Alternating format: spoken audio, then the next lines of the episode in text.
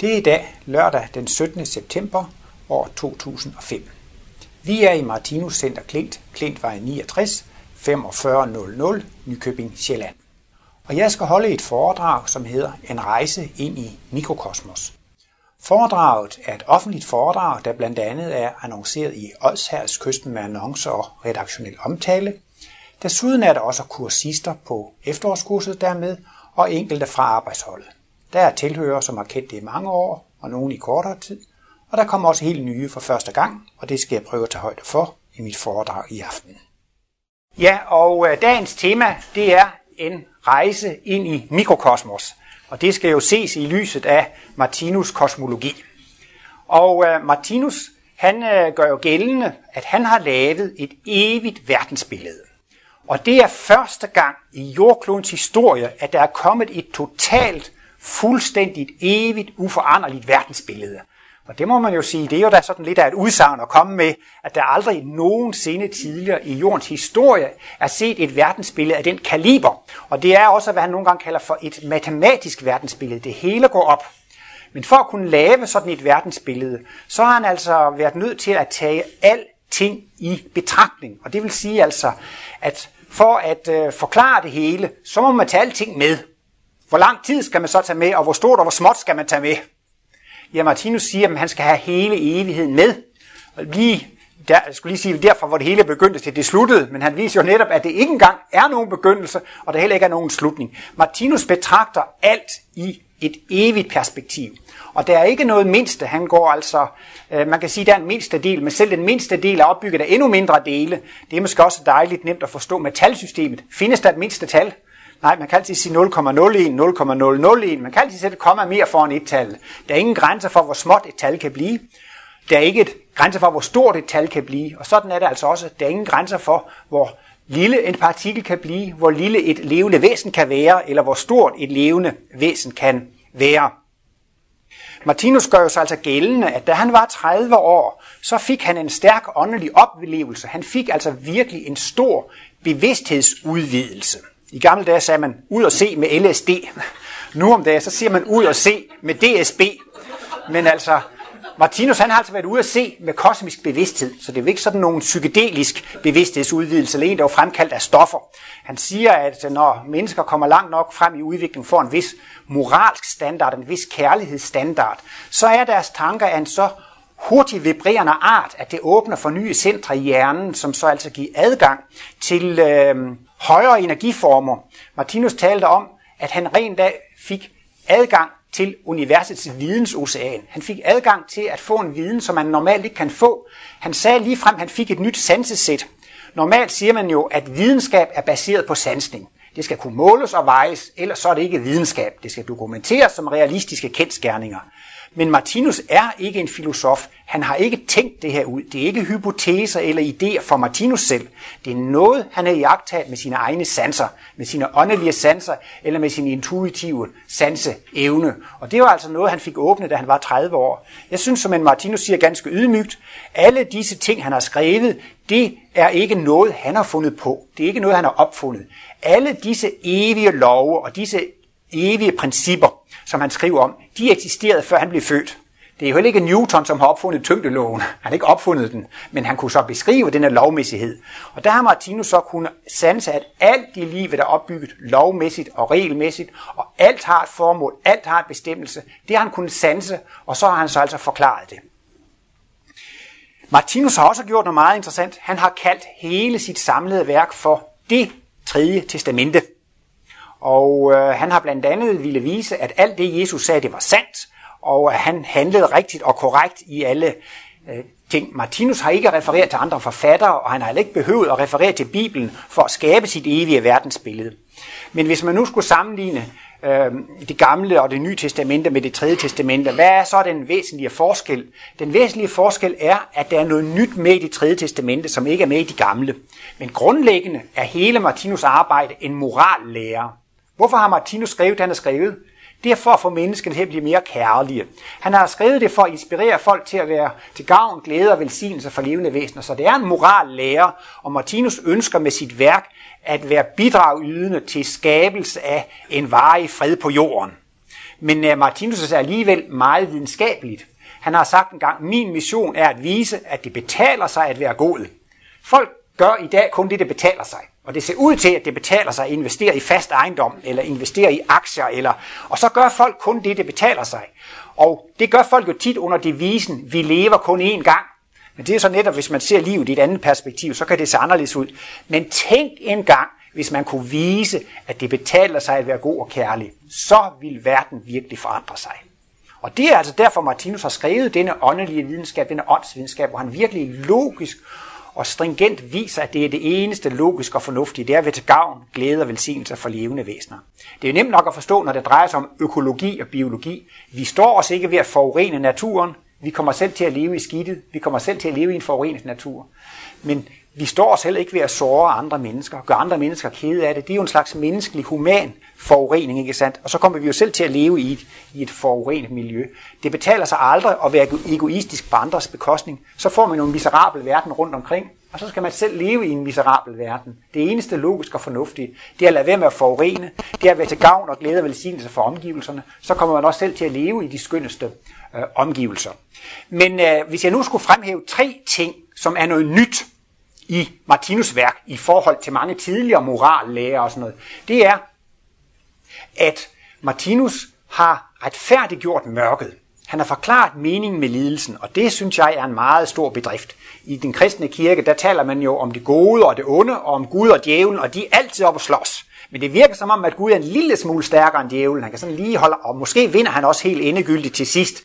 Men altså, det er ligesom om, at det kristne helhedssyn er ikke et enhedsvæsen eller et helhedsvæsen. Det kristne helhedssyn, det er faktisk, at det munder ud af, at til sidst er der to væsener. Der er Gud og en djævel, som, som er oppe og, og, og slås med hinanden. Men Martinus har altså ligesom forklaret meningen med smerten og lidelsen. Han har retfærdiggjort det, og det mener jeg, det kan man kun gøre ud fra en evighedssynsvinkel. Martinus mener, at ligesom energien er konstant, så er livet også konstant. Energi kan ikke blive til kan ikke opstå ingenting, og energi kan ikke blive til ingenting. Sådan mener Martinus også, livet kan ikke opstå noget dødt, og livet kan ikke blive til noget ingenting. Hvorfor er livet der? Det er der bare. Hvorfor er energien der? Det er der bare. Man kan sige, at i forskellige lærer og videnskaber, så har man et grundlæggende udgangspunkt, et, et, et, et aktion, noget man går ud fra. Og det er faktisk det grundlæggende aktion i Martinus, det er, energien eksisterer, og livet eksisterer. Det har altid eksisteret og vil blive ved med at eksistere. Jamen hvis nu man er et levende væsen, der skal leve i al evighed, så skal der være noget at opleve i al evighed. Og det vil så sige, at det levende væsen skal i al evighed have adgang til begge livets kontraster. Man kan jo ikke trykke med hvid farve på hvidt papir. Man er nødt til at have kontraster for at kunne opleve noget. Man ved ikke, at man er lykkelig, hvis man ikke har været ulykkelig engang. Man ved ikke, at man er sund og rask og har velvære, hvis man ikke har været træt og syg og, og udkørt. Man kan kun sætte pris på én ting ved at opleve modsætning. Derfor er det godt, at begge modsætninger eksisterer. Jeg, jeg har også lige et foredrag for nylig, hvor jeg var inde på det her med lidt overraskende sygdom. Det er vejen til sundhed. For ved at opleve sygdommen, kan man blive bevidst i, hvad det er sund levevis. Krig, det er vejen til fred. Fordi man er også nødt til at opleve ufredens ting for at sætte pris på, på, på freden. Og der kan man jo også sige, altså vejen til hvad skal man sige, krig og ukærlighed, det er vejen til kærlighed. Man skal mærke, hvor ubehageligt det er med ukærlighed for at kunne lære det kærlige. Begge kontraster er lige nødvendige, men i et kortere perspektiv forklarer Martinus, meningen med smerten og lidelsen, det er, at vi selv skal gå erfaringernes vej. Og når vi har følt smerte, så kan vi få medfølelse. Når vi er lidt, så får vi medlidenhed. Og medfølelse og medlidenhed, det er det samme med humanitet og kærlighed. Så det der er Martinus' point med, med meningen med mørket og lidelsen, det er, at det er noget, der hjælper os til at blive mere humane og kærlige. Der er ingen spring i udviklingen. Man kan kun gå erfaringens vej. Når jeg skal, nu skal jeg huske, at jeg skal tale om en rejse ind i mikrokosmos. Men øh, nu er jeg jo kommet til i hvert fald, at øh, den her store ting, der var i Martinus kosmologi, som er lidt nyt, det er altså det, han har faktisk retfærdiggjort mørket, forsvaret mørket og vist, at der er en mening med det. Og det har betydet utrolig meget for mange, der har været interesseret i Martinus. Mange mennesker siger, at de havde måske gjort selvmord, eller var blevet alkoholikere, eller hvad nu de siger, hvis ikke de havde mødt Martinus kosmologi. Men takket være, at de kunne få en logisk og en fornuftig forklaring på deres sygdom og modgang og besværligheder, så har de kun haft mod til at fortsætte, fordi de kan se, at der er en mening med det. Og meningen er faktisk altså en højere udvikling, at vi skal blive mere human og kærlige. Vi lærer af det hele, selvom det er ubehageligt. Og der har Martinus jo lavet det her skønne begreb med det behageligt gode, og det ubehageligt gode. Og vi vil helst kun opleve det behageligt gode, men det er vigtigt at forstå, at alt det der ubehageligt, det er også noget godt, fordi det hjælper til udviklingen. Og derfor munder alle Martinus analyser ud i at vise, at alt er såre godt. Men altså, det er ikke alt, der er lige behageligt. Nogle gange er det særdeles ubehageligt, men det er godt alligevel.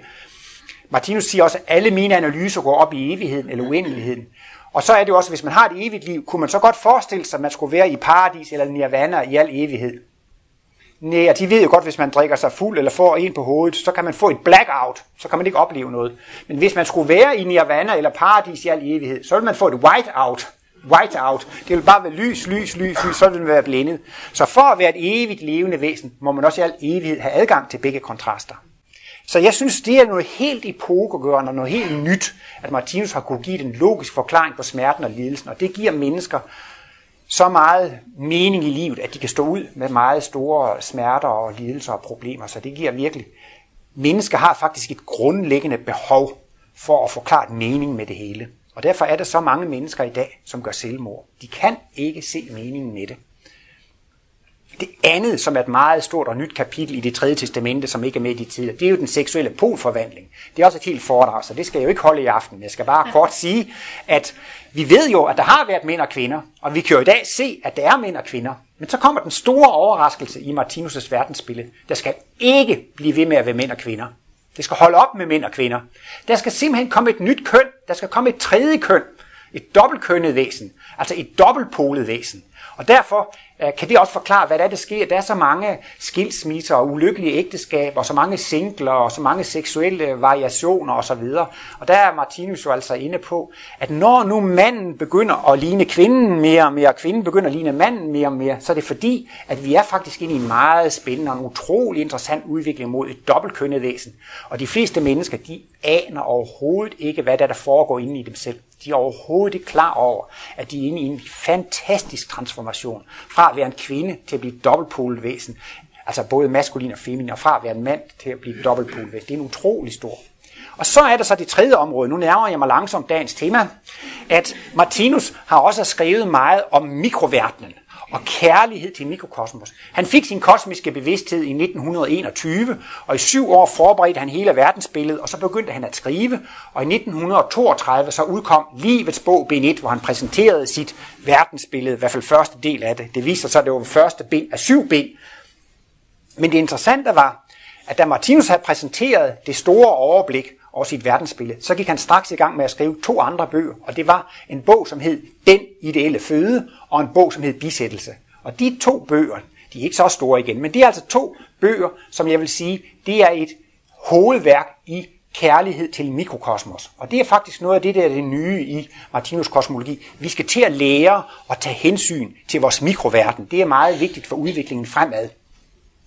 Vi udvikler os jo, og nogle gange, så er det altså, at man kommer til et vist punkt, så kan man ikke komme videre i udviklingen, før man lærer, hvad det er, man gør forkert. Og øh, Martinus, han, øh, han sagde ikke, hvad folk skulle gøre, og hvad de ikke måtte gøre, og han sagde, hvordan tingene fungerede. Og der har han blandt andet i den her bog, det hedder Den ideelle føde, forklaret konsekvenserne ved at spise kød. Og for at gøre det meget kort, så er der altså to alvorlige konsekvenser ved at spise kød. Og det ene, det er det, man kan kalde for et skæbnemæssigt aspekt, og det andet, det er et sundhedsmæssigt aspekt. Martinus mener helt klart, at det er sundt for løver og tiger og hunde og katter at spise kød. Det er de beregnet til, og det er meget sundt for dem. Men det er ikke sundt for mennesker. Mennesker kan egentlig ikke rigtig tåle det. Men så kan vi jo koge det og stege det, og, sådan, og så går det sådan nogenlunde. Men Martinus mener altså, at fordi vi er kommet så langt frem i udviklingen, og vi har faktisk fået nogle meget fine vibrationer og høje vibrationer, så er kødet blevet for groft en føde, og vi skal faktisk bruge for meget kraft til at nedbryde det. Og det giver faktisk, når man spiser kød, et daglig overanstrengelse i fordøjelsessystemet. Og Martinus mener faktisk, at kødspisning er årsag til mange sygdomme i hele fordøjelsesområdet. Og Martinus har også forsikret, at naturvidenskaben vil en dag finde ud af, at det er usundt for mennesker, der spiser animalsk føde. Og øhm, nu har jeg selv læst biokemi, og jeg ved, sådan cirka i 1950'erne, der begyndte at komme fart på fedtforskningen, og der begyndte man jo at finde ud af, at animalsk fedt, det var ikke godt for sundheden. Så kunne man få overforkalkning og blive overfed og så videre. Og, og det fortsætter, nu er det bare en detalje, jeg ved, hvis der er nogen, der får sådan noget ledegigt eller podagra, så er det fordi, man spiser for meget rødt kød, og der er mange kræftundersøgelser, der viser, at frugt og grønt med fibre, det beskytter mod kræft. Altså, det vil sige, hvis man spiser mindre kød og mere frugt og grønt, så er der mindre risiko for. Så man siger så, at, at det er frugt og grønt, der beskytter mod kræft. Men måske er det i virkeligheden, at det er det, at det er kødet, som fremkalder kræften, og det bliver mindre af det. I alle fald så er det ikke godt for sundheden. Og så er Martinus også inde på, at alt hvad vi gør har konsekvenser. Og dyrene, de har deres øjne til at se med, og det har vi også, og de har også deres ben til at gå på, og det har vi også. Dyrene er bare nogle yngre brødre i udviklingen. De har lige så meget ret til at opleve liv, som vi andre har. Og øh, man kan sige, at dyrenes ben og muskler osv., de er jo beregnet til at bevæge dyrene rundt, og ikke beregnet egentlig til at være mad, mad for os. Når dyrene bliver slagtet, så oplever de det som en ulykke. Og så taler Martinus altså om, at der findes en lov, som hedder årsag og virkning. Man finder den faktisk også i fysikken, der hedder den Newtons tredje lov. Årsag er lige med virkning. Hvis jeg presser med 10 kilo på bordet, så presser bordet 10 kilo tilbage. Og inden for elektronikken taler man om, om feedback. Når man gør noget, så kan man lave et feedback-system, så man får tilbagemelding på det. Bibelen taler Jesus jo om, at man, øh, at man kommer til at høste, som man selv har sået. Og i østerlandsk filosofi taler man også om skæbneloven eller karmaloven. Og Martinus mener altså, at denne skæbnelov, den er simpelthen baseret på en naturlov, at når en energi bliver sendt ud i verdensrummet, så kan den kun gå i krumme baner og vil komme tilbage. Og det er jo også noget, det er det spændende, hvis astronomerne i dag skal beskrive alle de observationer, de gør på stjernehimlen, og de regner jo med Big Bang osv., så, videre, så kan man ikke beskrive det med almindelig plangeometri. De er nødt til at bruge en krum geometri for at kunne forklare deres observationer. Og det så jeg i en fjernsynsudsendelse gang. Denne krumme geometri indebærer faktisk, hvis man kunne slynge tomat ud i verdensrummet med tilstrækkelig stor hastighed, så vil man få den tilbage i nakken. Jeg ved ikke, om det er noget bevis for det, men det er lidt interessant, at de er ved at være inde på det. Jeg tog en gang, nu jeg praler jo som, som bare pokker, der var en gang, jeg på universitetet tog et kursus i astronomi 1 og bestod den der eksamen, og lige ved den lejlighed havde jeg lejlighed til at snakke med Martinus. Og så spurgte jeg Martinus, er det rigtigt, at rummet krummer? Han svarede prompte, nej, det er energierne, der går i kredsløb. Det synes jeg var sådan lidt interessant svar, fordi man kan spørge, hvad er årsag og virkning? Og Martinus har altså observeret det som en naturlov. Alle energier går i kredsløb. Og så mener, sådan som jeg opfatter det der, så er det sådan, når energierne går i kredsløb, så er det faktisk sådan, at så krummer universet. Så kan man altså simpelthen ikke have nogen plan geometri i universet. Hvorom alting er, så kunne Martinus i hvert fald med sin kosmiske bevidsthed i agtage, at alt hvad vi gør, det har en konsekvens, og vi må tage konsekvensen af vores handlinger, og hvis vi er årsag til, at dyr bliver slået ihjel, så er man ikke selv beskyttet mod at blive slået ihjel. Og for dyr er det en ulykke at blive slagtet, og derfor mener Martinus rent af, at, at når mennesker dør, eller de kommer til skade ved bilulykker og flyulykker og den slags ting, så kan det altså være på grund af kødspisning. Han siger i hvert fald, hvis man vil have beskyttelse mod ulykker, så skal man blive vegetar. Og han siger faktisk også et sted interessant, at der er mange mennesker, som har stor dødsfrygt. Og ved at man slår dyr ihjel, så påfører man dyrene noget dødsfrygt. Og man får faktisk også selv noget dødsfrygt. Det kan også godt være, hvis det er et menneske, som er vegetar meget, for de kan jo ikke drømme om at slå andre ihjel. Så får det måske heller ikke selv den tanke, at det kunne blive slået ihjel. Men netop hvis man selv går og slagter meget, så kan man måske godt få den tanke, at men det kunne man måske også selv blive. Der er jo sådan et udtryk, her, 20 tror, hvad man stjæler, ikke? Hvis man så selv går og stjæler, så kunne man jo tænke meget i de baner der, ikke? Og det kan også være det, det andet der. Men det hjælper dog ikke, hvis jeg siger, at jeg er vegetar, og der kommer en stor lastbil. Det spiller ingen rolle, jeg kan ikke få nogen ulykke. Så går jeg lige ud foran lastbilen. Så bliver jeg selvfølgelig mast flad, fordi at, øh, det er så det, Martinus kalder intelligensbrud. Man skal jo også opføre sig nogenlunde fornuftigt og ikke bare gøre det. Men han mener virkelig, at man kan altså blive beskyttet mod ulykker, og man kan altså også til, til en vis grad blive, blive lettet for dødsangst. Fordi den dødsangst, vi påfører dyrene, kommer vi også selv til at, øh, til at, at leve i. Og øh, når nu det drejer sig om mikrokosmos, så kan man sige, at, øh, at det handler jo også om at beskytte alt liv, som er mindre end os, og også beskytte, beskytte dyrene. Og Martinus har her tegnet et symbol, som han kalder for livsenhedsprincippet. Og det er et, det viser, hvordan et levende væsen er opbygget. Livsenhedsprincippet, det er symbol nummer 7 i første symbolbog, som også kaldes det evige verdensbillede. Det her kunne godt være et symbol på et menneske. Den store trekant i midten, det er menneskets jeg. Og den runde cirkel her, det er det skabe evne. Så det er jeg, det er skaberen, og det her overbevidsthed, det er skabe evnen. Og her ser vi så i den yderste kreds det skabte resultat. Det er altså skaberen, som har en skabe evne, og det giver et skabt resultat. Og det skabte resultat, det er vores organisme, som består af en lang række forskellige organer. Men hvert organ er også et individuelt levende væsen, som har et jeg og en og det er altså skaberen, som har et skabeevne, og det skabte resultat, det er organet, og organet, det er opbygget af celler, og cellerne er opbygget af molekyler, og molekylerne er opbygget af atomer, og kernepartikler, elektroner, og sådan fortsætter det uendelige nedad. Og det er ligesom metalsystemet. Det har ingen, det fortsætter. Det kunne også godt være, at det kunne være en galakse. Galaksen, eller Mælkevejen, er et levende væsen. Så er det her for eksempel levende solsystemer, det er levende planeter, og det bliver så levende mennesker. Så det er altså sådan et system, så hele verdensaltet er lavet efter et system, ligesom de kinesiske æsker. At det er øh, en æske inden i en æske inden i en æske, eller ligesom de russiske dukker, som også er en dukke inden i en dukke inden i en dukke. Så Martinus taler også om, når man træner og øver, så får man altså lavet en, en, en rutinefunktion, så får man lavet en talentkerne.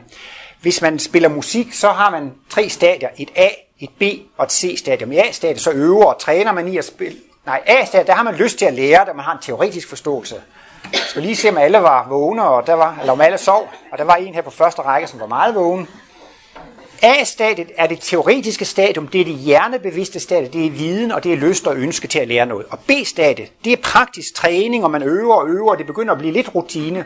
Og når man så er helt virtuos, så går det næsten helt automatisk, så er talentet kommet op på et C-stadium. Og øh, vi har altså mange forskellige funktioner, vi kan træne. Og, øh, men på en måde kan man også sige, når man træner og øver en ting, så inkarnerer der faktisk også et levende væsen i ens organisme, som varetager den funktion. Hvis det er noget, man gentager, gentager, gentager, så bliver der faktisk dannet et lille center i rygmarven. Og det er et levende væsen, som varetager altså den funktion. Og øh, i virkeligheden kan man så også sige, at altså alle, hvis man har en permanent gentagelse af en funktion, så bliver det en funktion, der til sidst går automatisk af sig selv, og så kommer der et andet levende væsen, som tager sig af den funktion. Hvor mange af jer tænker nu på, at jeres nyere arbejder, at jeres lever arbejder, i er helt ubevidste i det, at der er cellen stofgifte. Normalt mærker man heller ikke engang, at hjertet slår, eller at man ånder. Nogle gange kan man godt mærke dem, så er det fordi, man er syg, og så går det ondt. Men vi har en lang række vidunderlige funktioner, som vi slet ikke tænker på. Vi har en lang række fantastiske organer, og på en måde har vi uddelegeret arbejdet til organerne, som er en slags talentkerner, som udfører det her helt automatisk. Men hvad så med organerne? Jamen, de er jo lige så smart. De uddelegerer også arbejdet. Organerne, de uddelegerer jo arbejde til cellerne. Så i et organ er der en lang række celler, som udfører en lang række automatfunktioner. Og når så, så, så, så er det altså også, ligesom der er nogle celler, der inkarnerer som levende væsener for at varetage organets funktion, så kommer der også nogle, så er der nogle biokemiske processer i cellen. Så er cellen, den er smart nok, så uddelegerer den det til andre levende væsener, at de skal sørge for alle de kemiske reaktioner. Og så så, så, så den fortsætter det her system altså. Det er ret interessant, at hele universet er opbygget på en sådan måde, at man uddelegerer arbejde til dem, der er under en, og så uddelegerer man til dem, der er under og under. Og det vil sige, at hele organismen kan kun opbygges ved, at den består af mikrovæsener, som er opbygget af mikrovæsener, som er opbygget af mikrovæsener, som er opbygget af mikrovæsener. Alle levende væsener spiller to roller. Og det er, man er selv et univers for sine mikrovæsener. Jeg er et univers for mine organer og celler og molekyler osv. Så kan jeg sige, altså molekylerne, det, det, de er stof for mig, cellerne, de er stof for mig, men jeg er univers. Men så er, jeg, så er det nogle væsener, der er større end mig. Der er jordkloden og solsystemet og galaksen. Jeg er jo bare stof som dem. Så det er interessant. Alle levende væsener spiller den her rolle. Et hvert levende væsen er stof for makrovæsenerne, og man er univers eller universbærer for, for de små væsener nede i mikroverdenen. Og øh, i virkeligheden er der heller ikke liv på det fysiske plan. Vi kan godt nok se, at der er nogle fysiske partikler, der bevæger sig. For eksempel nu bevæger min arm sig, ikke sandt? Det er jo et tegn på liv. Men hvad er det, der bevæger armen?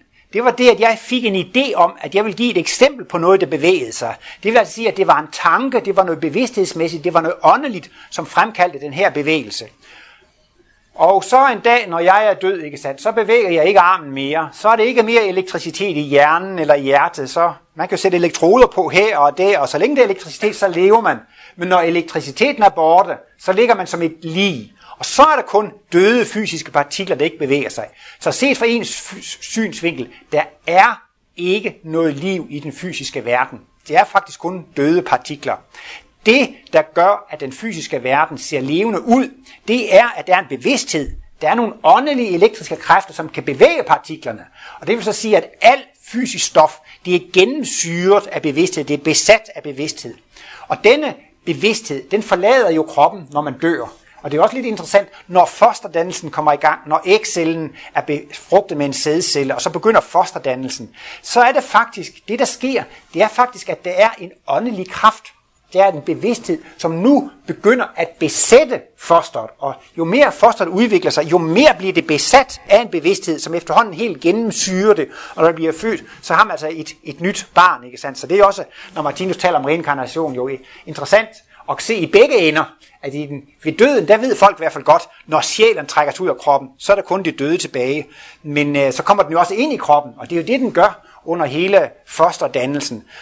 Der findes noget mineralsk materie, det er ikke særlig stærkt gennemsyret af åndelig kraft, men der er alligevel elektroner og ting, der bevæger sig, og det er også udtryk for bevidsthed, fordi alt, alle rutinemæssige bevægelser, det er elektronernes bevægelser, det er jo øh, tidligere opøvet rutine, og det bruger Martinus også som et slags evighedsbevis. Alle, selv den, det, man kalder den døde fysiske materie, bruger Martinus som et bevis for livet. Fordi han siger, jamen I kan jo se, der er nogle elektroner, der kører rundt. Jamen det er jo en rutinefunktion. Hvordan kan en rutinefunktion være lavet? Det kan den da kun gøre ved forudgående øvelse, så derfor at ligger der altså også en fortid for det. Men det er altså interessant med hele stoffet der, at det er liv inden i liv inden i liv, og det er faktisk altså også bevidsthed inden i bevidsthed bevidsthed, der, der besætter dette liv. Derfor bliver det vigtigt, hvordan vi behandler disse myriader af levende væsener nede i vores mikrokosmos. Martinus har engang besvaret et spørgsmål om, hvem er min næste? Og det er jo et meget interessant spørgsmål, hvem er min næste? Man skal jo være kærlig over for sin næste. Og i første omgang så regnede jøderne vel med, at det var de andre jøder. Men filistrene og sådan nogle, dem måtte man jo gerne slå ihjel, og øh, de andre og dyrene og så videre. Men så efterhånden finder man ud af, at det ikke bare er mennesker af ens egen race, man skal elske alle mennesker. Og næste kærlighedsbegreb skal så også udvides til, at man skal elske dyrene. Også det, at man skal elske mikrokosmos. Der findes en artikel i Kosmos, øh, den kom som nummer 3 i 1992, og den hedder Mennesket og det skæbne. Og der gør Martinus det så meget kort og enkelt. Han siger, mennesket danner skæbne på tre områder. Det danner skæbne i sin relation til andre mennesker. Det danner skæbne i sin relation til dyrene, og det danner skæbne i relation til mikrokosmos. Mennesker, dyr og mikrokosmos, det er de tre store skæbneområder. Og der er nogle mennesker, de er utrolig venlige og kærlige over for andre mennesker. Og de er også venlige over for dyrene, og de passer på dyrene, og de spiser ikke kød osv. Men alligevel er de syge og kede og deprimerede og udbrændte. Hvordan kan det være? Jamen der siger Martinus, hvis man virkelig vil være sund og rask og har et lykkeligt og et harmonisk liv, så må man tage hensyn til alle tre områder. Det er ikke nok kun at tage hensyn til ens relation til menneskerne eller til dyrene. Man skal også tage hensyn til sin relation til mikrokosmos. Og der kan man sige, der åbner der sig så for mennesken et nyt stort ansvarsområde, som ikke var med i øhm, Bibelen og det gamle. Der er et sted, Martinus han taler om en mennesketype, som han kalder for ligevægtsmennesker. De har følelser og intelligens i, i ligevægt, og det er nogle meget harmoniske og dejlige mennesker. Men der er altså også nogen, som man kan sige på, på, på mere trosreligiøse trin, på tidligere udviklingstrin, som er, mm, som er meget harmoniske. Ikke? Og altså, nu er det altså bare min egen fantasi, men jeg forestiller mig nogle gange sådan en rar fisk, en rar, en rar præst, en rar præst, som har været ude at fiske. Jamen altså i gamle dage, det er jo også hvad med Sten Stensen blikker, når han skriver om ham præsten og så videre, ikke? Så er det jo alligevel, altså en præst, han kunne godt gå ud og gå på jagt og fiskeri, ikke sandt, i sin fritid, og han kunne godt drikke, øh, drikke sig en snaps, og han kunne ryge sig en pibe, pibe tobak og så videre. Og det vil jo så sige, altså han var jo meget rar og venlig mand, ikke sandt? Men man kan sige altså, at kærligheden rakte ikke til dyreriget, og heller ikke til, øh, til mikroverdenen. Og øh, de to områder, hvor man især skal tage hensyn til sin mikroverden, det er på det fysiske område, og det er på det åndelige område. Så altså man skal passe på med ikke at forgifte sit mikrounivers af fysisk vej. Og øh, der er jo så altså, man kan jo direkte komme giftstoffer ind i sin organisme, og det er jo så lige frem tortur af mikroindividerne. Lungerne, som jo er et organvæsen, det er altså også et levende væsen. Der var engang en, jeg har hørt om en psykolog, som tog folk i terapi, de skulle øh, afvendes med at ryge. Og han havde sådan et tricks. Han sagde til patienten eller klienten, vær så venlig at sætte dig ned i den her stol, og nu skal vi lave et lille tankeeksperiment. Nu skal vi sætte lungerne i den anden stol, og så vil jeg gerne, at du skal føre en samtale med dine lunger. Jamen, hvad skal vi snakke om? Jamen, du kan jo prøve at snakke om, hvordan det føles, når du tænder en cigaret, hvordan du føler det, og hvordan lungerne føler det. Og, og det viste sig at være en meget effektfuld terapi. Og rent kosmisk set, så er det jo lige taget på kornet. For det er, som Martinus siger, at lungerne er et levende væsen. Og man skal prøve at respektere sine mikrovæsener som levende væsener. Man kunne godt tro, at de små væsener har ikke ret stor betydning, men store væsener har stor betydning. Og det er jo også interessant med Martinus' evighedsanalyser og uendelighedsanalyser. Jeg har en uendelighed af væsener nedenunder mig, og en uendelighed af væsener over mig. Men så, bliver jeg, så udvikler mig og udvikler mig og bliver større og større, så at sige. Men hvad hjælper det? I virkeligheden bliver jeg jo aldrig større, fordi jeg har et, stadigvæk en uendelighed af væsener, der er større end mig over mig, og en uendelighed af væsener, der er, så jeg er jo altså verdens midtpunkt. Der er lige meget til hver side. Der er en uendelighed til begge sider. Så derfor kan man ikke sige, at det er et lille væsen. Det er jo også et gigantisk stort universvæsen for den uendelighed, det ligger under. Så på den måde har sådan set små væsener og store væsener faktisk den samme betydning. Og det er altså meget vigtigt, at man begynder at respektere dem som selvstændige væsener. Jeg har også tænkt på med børneopdragelsen. I gamle dage, så var børnene nærmest forældrenes ejendom, og de skulle gøre, som forældrene sagde. Altså det var ligesom noget af dem selv. I dag respekterer man jo børnene mere som individer, og jeg synes specielt med Martinus' reinkarnationstanke, så forstår man, når man får et barn, det er en gammel voksen, som er kommet igen. Så får man jo sådan ligesom lidt mere respekt for dem, og behandler dem lidt mere respektfuldt. Og det er altså også ligesom det, man skal prøve at nå frem til, at behandle sine organer, det er også gamle voksne, eller det er altså at behandle dem respektfuldt, behandle sine celler respektfuldt. Og det er altså et meget vigtigt skridt i udviklingen.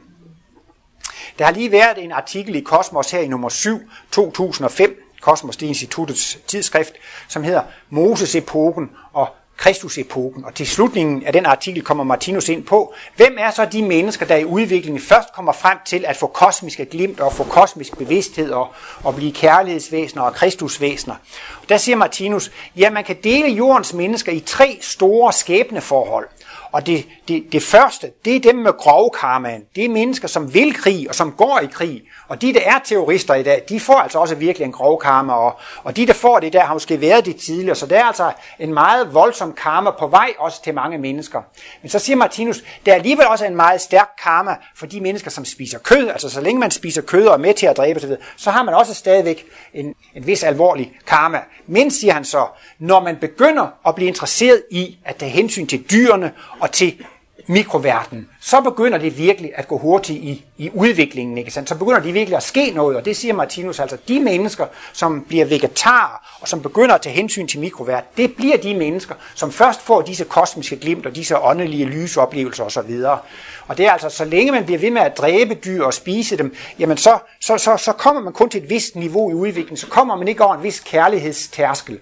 Og Martinus siger faktisk, altså, der er heller ikke så lang vej igen til fuldkommenheden, når menneskene virkelig bliver interesseret i at tage hensyn og, og vise kærlighed til, øh, til øh, mikrovæsenerne.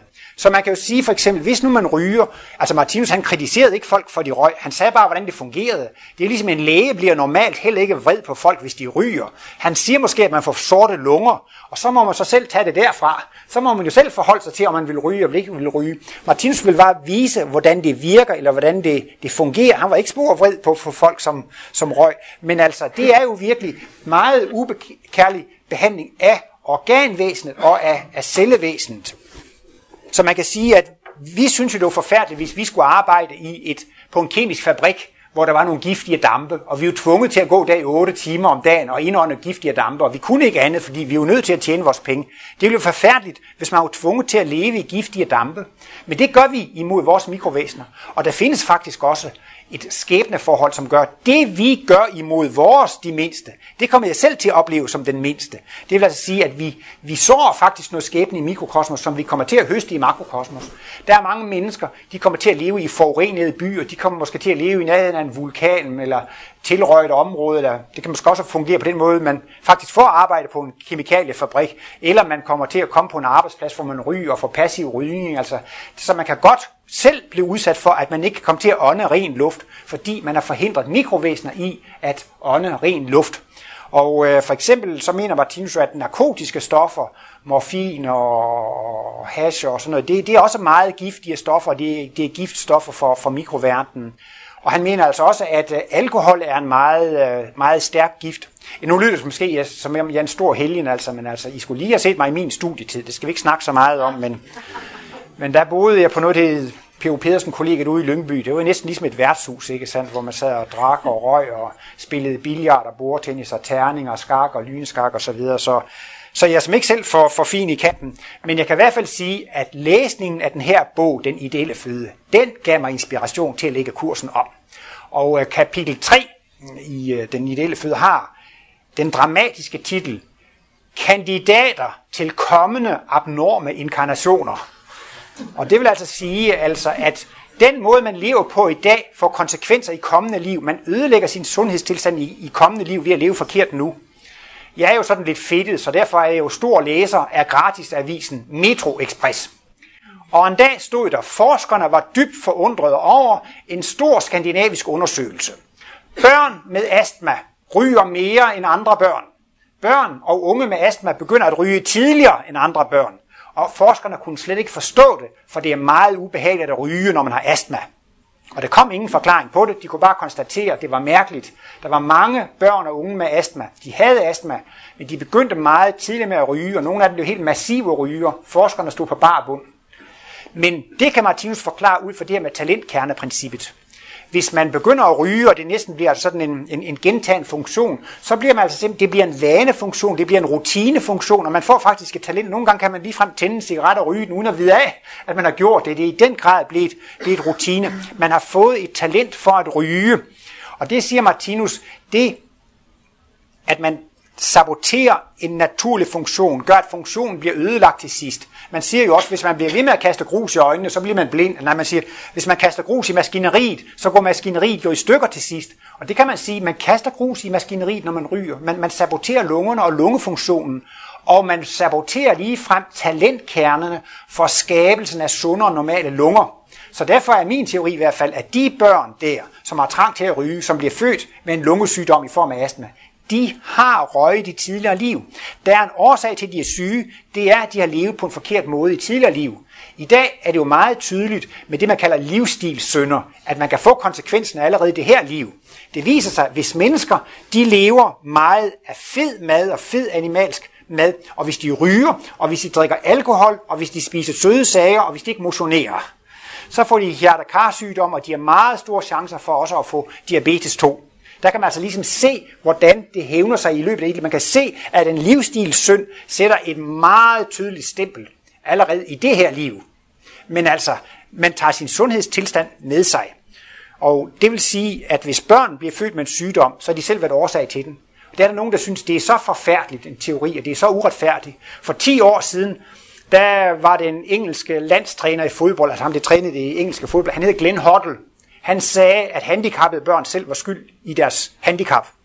Han blev fyret. Folk blev sin der oprørte. Sådan noget kunne man ikke sige. Det var så stor en skandale, så han mistede sit job som fodboldtræner for landsholdet for at have sagt, at man er selv årsag. Så vil folk åbenbart hellere have et liv, der er stort lotteri. Ja, min kære ven, du bliver et geni, og dig, det er rullestolen, og dig, det er et stift ben. Det var da forfærdeligt, hvis man stod der og skulle trække lotteri, og så fik man lige stukket det ene og det andet ud. Men den teori kan folk bedre lide, end at man skal tage ansvar for sine egne handlinger. Men det er da helt klart, at man må i hvert fald i det her liv. Og øh, derfor har det altså konsekvenser for de kommende liv. Og der kan man så sige, altså, at udover at man skader sit mikrokosmos, så kommer man altså også selv på banen med et skadet univers. Man får lov til at ødelægge sit univers og opleve livet igen et skadet univers. Og hvis nu man bliver alkoholiker, så siger Martinus, det foregår på den måde, man drikker hver dag. Og man bliver dårligere og dårligere til at passe sit arbejde, og man bliver mere og mere syg og dårligere. Hjernen bliver faktisk delvis opløst af alkohol. Altså ligesom malerne, der arbejdede med organiske opløsningsmidler, de fik jo en skrumpehjerne. Men det gør man faktisk også, når man drikker meget alkohol. Hjernen bliver affedtet, så den skrumper også, så man ødelægger hjernen. Og så siger næste liv, så fortsætter jo den her rutine, den her vane. Så begynder man at drikke allerede som ung, og begynder at drikke meget massivt, og så drikker man endnu kraftigere. Og næste liv igen, så begynder man måske næsten at drikke som stort barn, og drikke utroligt. Og til sidst, så ødelægger man totalt hjernen og hovedet, og man bliver født som mongolbarn. Det vil altså sige, at man har ødelagt talentkernerne for skabelsen af en sund og normal hjerne. Det er næsten den største ødelæggelse, man kan gøre. Men altså, sygdom, det er et beskyttende gelænder. De beskytter folk imod at fortsætte med at lave en fejl. Så på en måde er det altså virkelig en kærlig foranstaltning, at man kan blive syg, og at tingene går i stykker, fordi det stopper egentlig et misbrug, og man bliver opmærksom på det. Vi får lov til at ødelægge et underligt velfungerende univers. men vi får også lov til at opleve konsekvensen og leve livet i et ødelagt univers. Så de der åndssvage, det kan godt være store kunstnere, skribenter, atomfysikere, geniale mennesker, men de ødelagt hjernen, de har fantastiske evner og talenter på andre områder måske. Men hvis hjernen ikke fungerer, og motorikken ikke fungerer, så kan de jo ikke udfolde deres talenter. Og jeg tror, det til tider er meget frustrerende at være åndssvag. Jeg har hørt nogen, der siger, at de åndssvage er meget glade om morgenen, lige når de vågner. Men Når de så opdager, at de skal ind i den her ødelagte organisme, så bliver de lidt sure og lidt utilfredse med. Men derefter, siger Martinus, så bliver man beskyttet mod sådan et misbrug. Og vi skal opleve den samme mængde lidelse for at få den samme mængde medlidenhed. Vi skal alle sammen blive kærlighedsvæsener. Vi skal få den samme sum med lidenhed og medfølelse. For at blive det samme, skal vi opleve det samme. Derfor er det ikke nogen, der er dårligere end andre eller dummere end andre. Nogen får meget lidelse i et liv, og nogen får meget lidelse i et andet liv. Vi skal igennem det samme, og det er ikke nogen, der er dårligere end, end andre. Så derfor er det altså meget vigtigt, at man behandler sit mikrounivers godt, rent fysisk set. Men Martinus er også inde på, at det er utrolig vigtigt, at man behandler sit mikrounivers godt, også med det psykiske. Fordi bevidstheden er jo som sagt det, der styrer alle partikler, hele organismen. Så vi har altså en bevidsthedskraft, som gennemstråler hele vores univers. Og øh, vi har altså en vis kraft. Og alle organer og celler får deres livskraft ved den stråling, der går igennem hele organismen.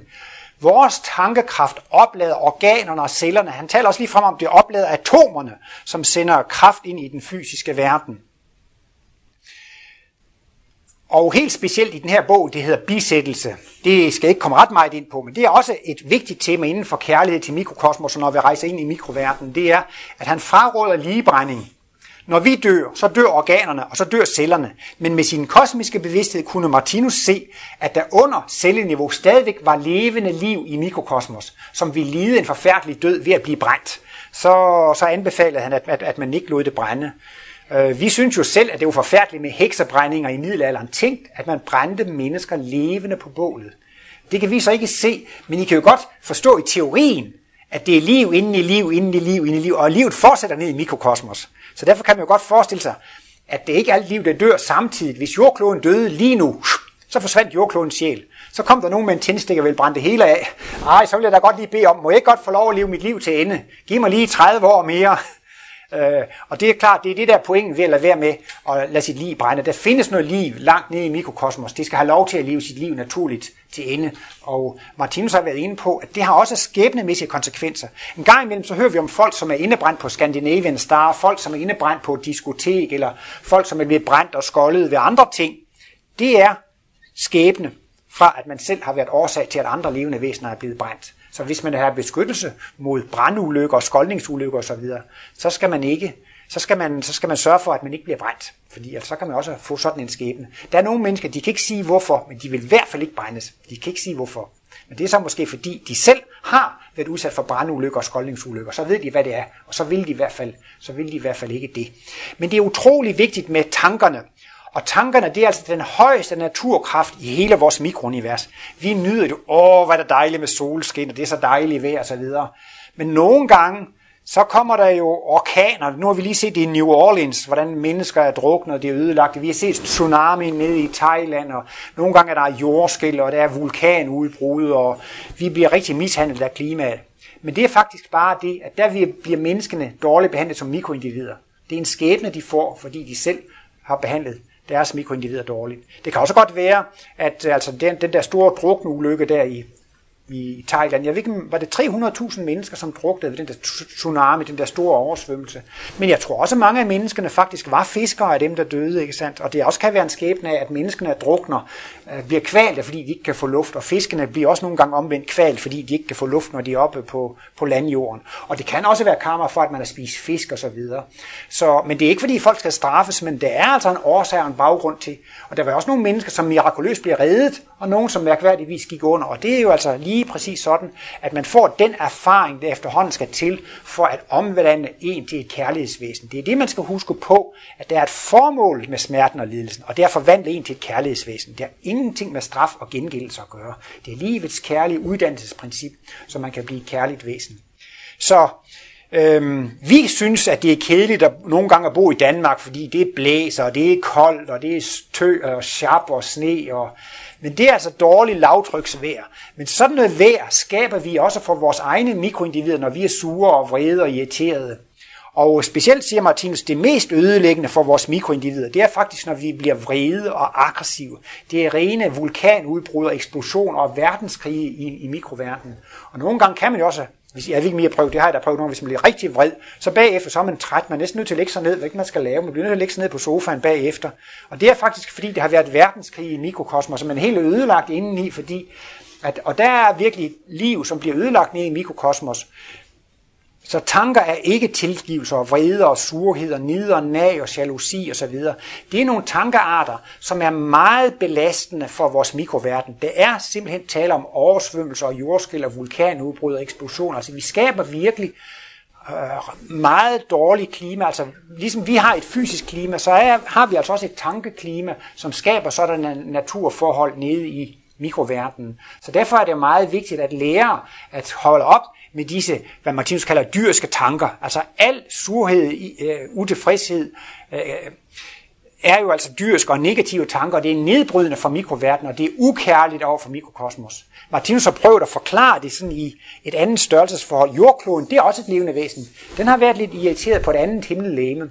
Og i det, den irritation, den har givet sig i vores målestok udslag i 1. og 2. verdenskrig, der kan vi se ødelæggelsen, for nu er det i vores forhold. Jordkloden, den er ikke så bevidst i, hvad der er sket nede i mikroverdenen med os, ligesom vi ikke er så bevidste i, hvad der sker i vores mikroverden, når vi bliver irriteret. I dag er der så mange mennesker, som er udbrændte og trætte. Og det mener Martinus helt klart, det skyldes fejltænkning. Han har skrevet en artikel, det er en af mine favoritartikler, og den hedder unaturlig træthed, fordi det har jeg altid måtte kæmpe lidt med selv. Og det er jo altså det, for jeg laver jo ikke ret meget, men jeg er træt alligevel. Så det er jo et stort mysterium. Hvor kommer den træthed fra? Det er jo nemmere at forstå, hvis man arbejdede hårdt, så er der en naturlig træthed, og den kan repareres ved søvn og hvile. Det er meget enkelt. Men eftersom den unaturlige træthed ikke skyldes øh, arbejde osv., så kan den ikke repareres med søvn og hvile. Der er deprimerede, udbrændte og trætte mennesker, som ligger i sengen 10, 12, 14, 16 timer om dagen, og lige lidt hjælper det. Man synes næsten bare, at man bliver endnu mere træt af det. Det kan kun repareres ved at gøre et stykke arbejde på sin egen bevidsthed. Og man må altså have fat i den fejltænkning, som er årsag til disse negative og grå tanker. Fordi der kommer simpelthen ikke nok kraft på batterierne. Vi har nogle livskraftsbatterier. I stedet siger Martinus, det er sådan en skøn definition af livskraft. Han siger ganske enkelt, livskraft, det er det samme som glæden ved at være til. Hvis man synes, hvor er det dejligt at være til. Jeg er glad for livet. Hvor er livet dog spændende og interessant. Livet det er en fordel for mig. Jeg synes, livet er for mig. Altså, det hjælper mig. Hvor er det, hvor er det dejligt. Hvor er det skønt at leve. I, hvor har vi det dejligt. Er det ikke dejligt at leve? Sådanne tanker, de giver automatisk livsløst og livskraft og livsmod. Og så kan man så sige, at alle tanker er utilfredshed. De giver altså det modsatte. Og øhm, nu kommer der snart en, øh, nok en, et foredrag af Martinus, som bliver udgivet på CD. Der er fire foredrag af Martinus, som man kan købe på CD, og der er to mere på trapperne. Og den ene, den hedder Verdens Frelse, og den handler om menneskets seksuelle polforvandling, som vi lige nævnte. Og når jeg havde slået, at ikke skulle få reklamer, men nu får det alligevel. Vi skulle have et helt foredrag uden reklamer. Men jeg kan vel bare sige, at i foredraget Verdens Frelse kommer Martinus ind på denne seksuelle polforvandling, og det andet foredrag hedder direkte Den unaturlige træthed. Og der var nemlig en gang, jeg havde et job. Jeg var simpelthen så træt. Der, der havde jeg en kæreste engang. Hun kom sådan hver... Lige snart vi havde spist, så, så, så lagde jeg mig på sofaen for at se øh, nyhederne, og så faldt jeg i søvn. Og så kom hun klokken 10 om aftenen og vækkede mig. Vågn op, Ole, du skal i seng. For nej, vågn op, du skal ind og sove. Og jeg var simpelthen så træt. Og der var det sjovt, det foredrag, som nu kommer der, der siger Martinus netop, at hvis man ikke er glad for sin livsstilling, kan man komme til at lide af unaturlig træthed. Det er da klart, det har stor betydning, hvis man hver dag går på arbejde, og man har ikke lyst til at gå på arbejde. Det giver ikke glæde og optimistiske tanker. Livskraftbatterierne bliver ikke opladet. Og det er simpelthen årsagen til træthed og udbrændthed. Man har simpelthen ikke lyst til det. Man føler ikke lyst og glæde ved det.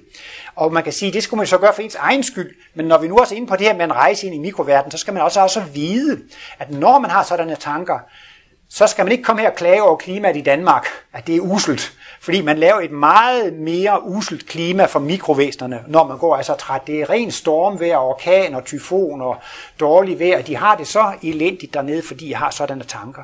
Jamen, hvordan skal man så få bedre og mere positive tanker? Ja, der er jo altså Martinus verdensbillede en fantastisk hjælp. fordi Martinus kan vise meningen med alting. Og han kan vise, at, det er, at han kan retfærdiggøre smerten og lidelsen og vise, at det er kærlighed i forklædning. Nu er jeg også omtalt lidt en gang, så skal man få kosmiske glimt og få kosmiske bevidsthed. Man skal få de højeste åndelige oplevelser, man kan få. Man skal simpelthen få lov til at opleve Guds bevidsthed, eller opleve universets bevidsthed. Man skal få lov til at føle sig et med hele det levende verdensalt, med det levende kosmos. Man skal få lov at føle sig et med alle andre levende væsener. Og man får typisk lov til at opleve, at hele universet vibrerer af kærlighed. Man kan få lov til at opleve, at det man før anså for at være mørke og ondt, i virkeligheden er kærlighed i forklædning. Det mørke og onde eksisterer ikke. Det er ubehageligt, men det er kærlighed i forklædning.